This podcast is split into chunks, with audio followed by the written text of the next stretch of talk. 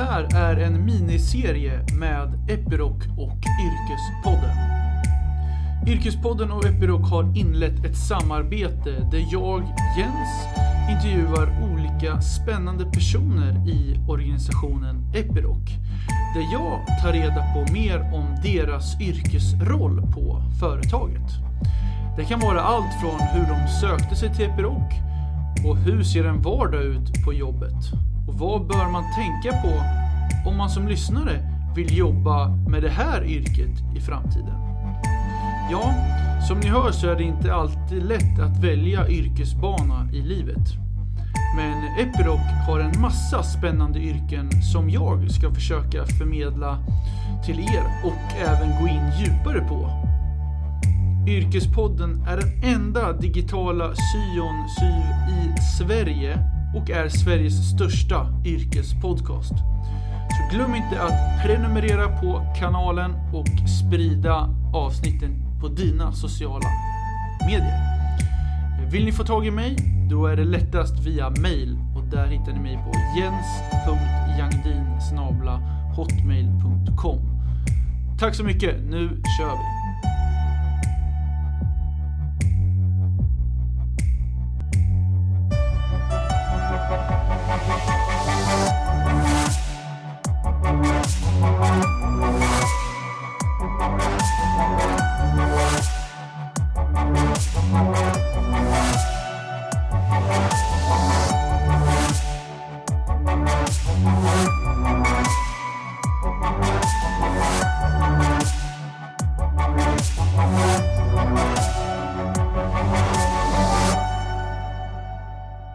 Välkommen till Yrkespodden Therese. Tack så hemskt mycket. Hur är läget? Jo men det är bra. Det är ju en underbar årstid tycker jag. Jag får energi av ljuset och ja, det är fortfarande lite kallt för att vara sommar men eh, ändå skönt. Ja, vi får hoppas att det vänder här snart. Och vi Ja. sitter ju faktiskt här i Örebro, eh, väldigt nära eh, ert kontor Epiroc som ligger här vid Gustavsvik. Ja, Och som jag förstod det så jobbar du här. ja, jag sitter här i en byggnad precis bredvid. Mm.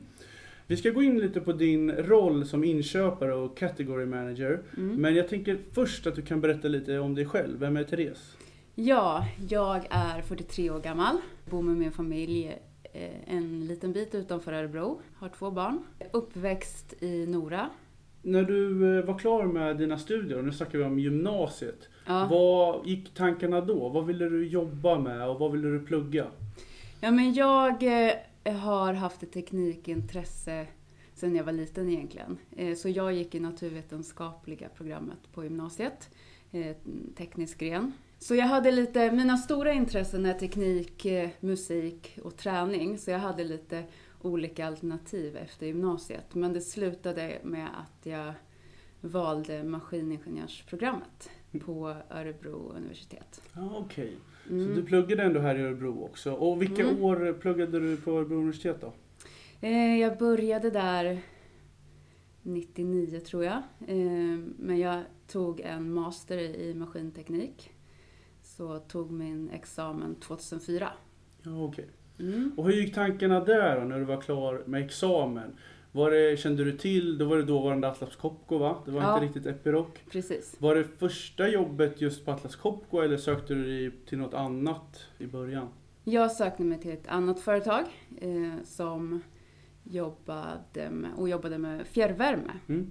Så jag var på Logstor, hette det här företaget. Där jobbade jag två år ungefär eh, som projektingenjör. Eh, sen jobbade jag på ett konsultbolag Mm. ungefär ett år. Jobbade dels som konstruktör på Volvo. Och sen kom jag tillbaks, jag fick möjligheten att komma tillbaks i fjär- fjärrvärmeföretaget och, och jobba som eh, produktchef där i några år. Så det var först efter det som jag sökte mig till Atlas. Ja, okej. Och hur kommer det sig att du just sökte dig till Atlas då? Jo, men jag såg ju möjligheten att få jobba på ett globalt stort teknikföretag. Jag vill ju jobba med teknik så att jag tänkte att här finns det möjligheter att utvecklas. Mm. Om vi tar oss tillbaka till den situationen när du sökte jobbet, hur såg rekryteringsprocessen ut? Jag sökte på en annons som jag såg och sen fick jag komma på intervju till den rekryterande chefen tillsammans med HR. Sen får man oftast göra också en eh, farfarsintervju, så med chefens chef. Chefens chef, farfarintervjun, ja. okej. Okay. Mm. Precis. Så ja, men det, det, är lite olika i olika roller hur många intervjuer det är. Men jag tror att jag gjorde två eller tre intervjuer första, första gången jag, jag var på Atlas. Mm.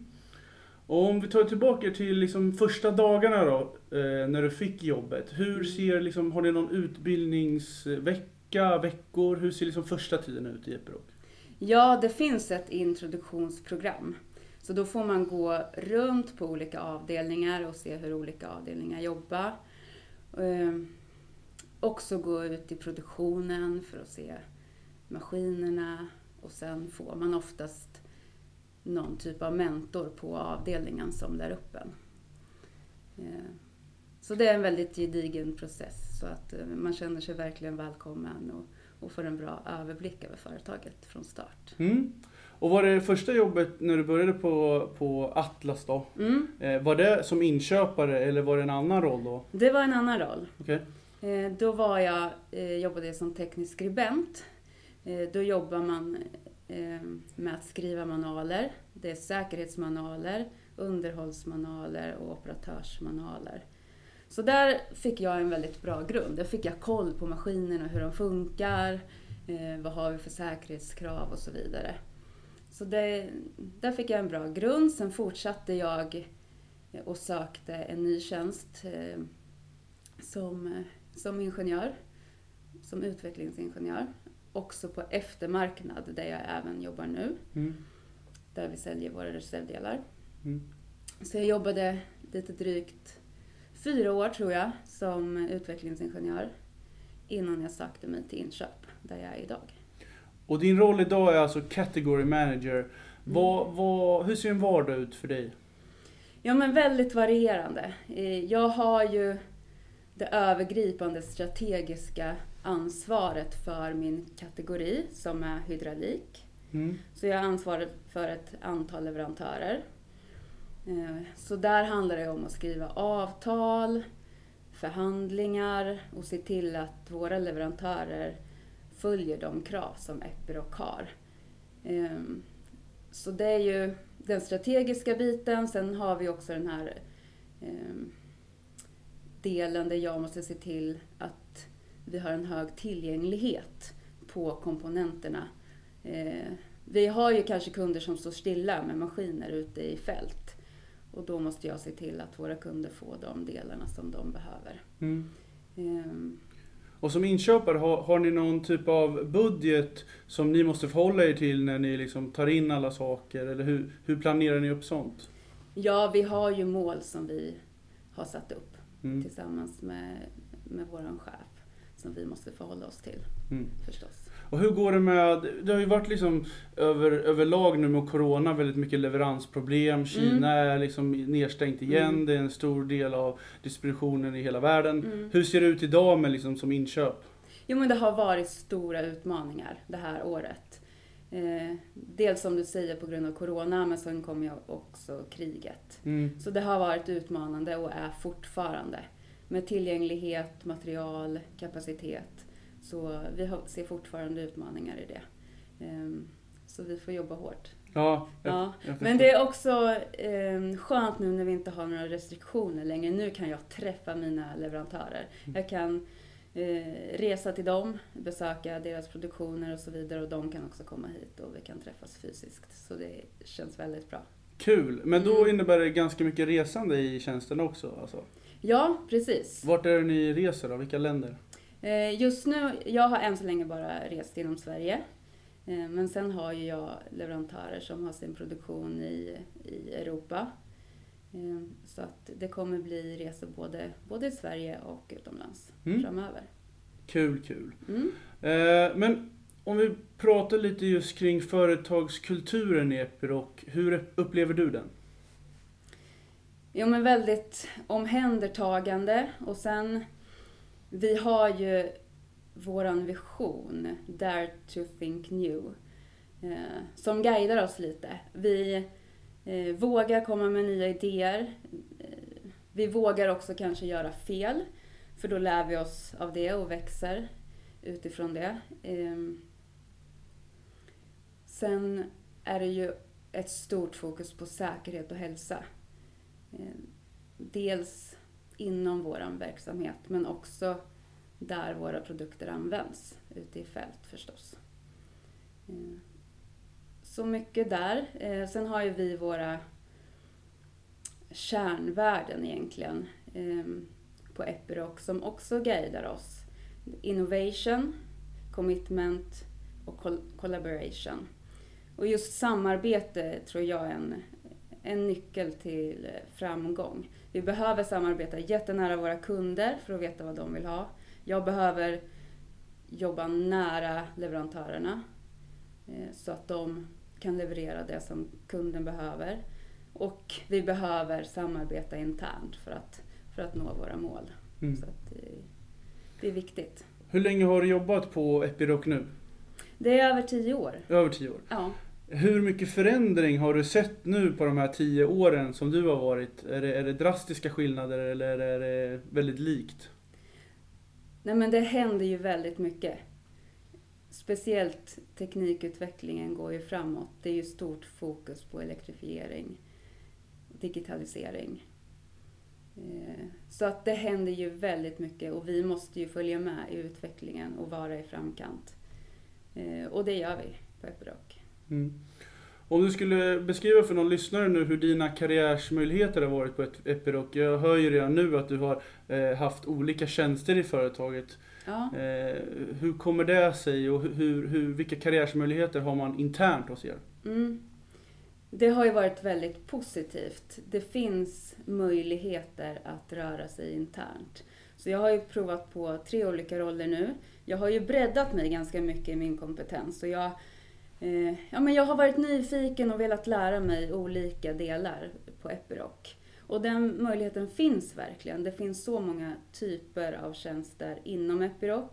Men också att man kan utveckla sig. Jag har till exempel gått kurser inom ledarskap, eh, ja, projektledning och så vidare. Så, så vill man så finns verkligen möjligheter inom företaget. Både att bredda sig eller om man vill fördjupa sig så finns de möjligheterna också.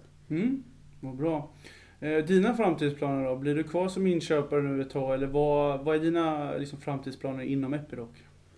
Ja, men jag har nog inte haft någon så här utstakat karriärsmål egentligen, utan jag vill bara lära mig så mycket som möjligt och känna att jag själv utvecklas. Eh, så just där jag är idag så vill jag bli bra på det, jag gör nu. Jag, har, jag lär mig nya saker varje dag. Ehm, så just nu är det mitt fokus. Att, eh, att bli bra i min, göra ett bra jobb i den tjänsten jag är nu. Ehm, men sen vill jag alltid jobba med teknik. Det är det jag känner. Men det, det kommer jag göra så länge jag är peppad. Mm. Det var bra. Mm. Du, eh, vi ska gå på den avslutande frågan här nu. Och det är ju så att eh, många som, som lyssnar undrar kanske eh, med ditt yrke vad, om man ska ha några tips och inför man ska söka jobb som inköpare. Så om mm. du skulle avsluta nu med att ge tips vad man ska vara förberedd på hur det är att jobba som inköpare. Vad skulle du ge för karriärstips till den lyssnaren?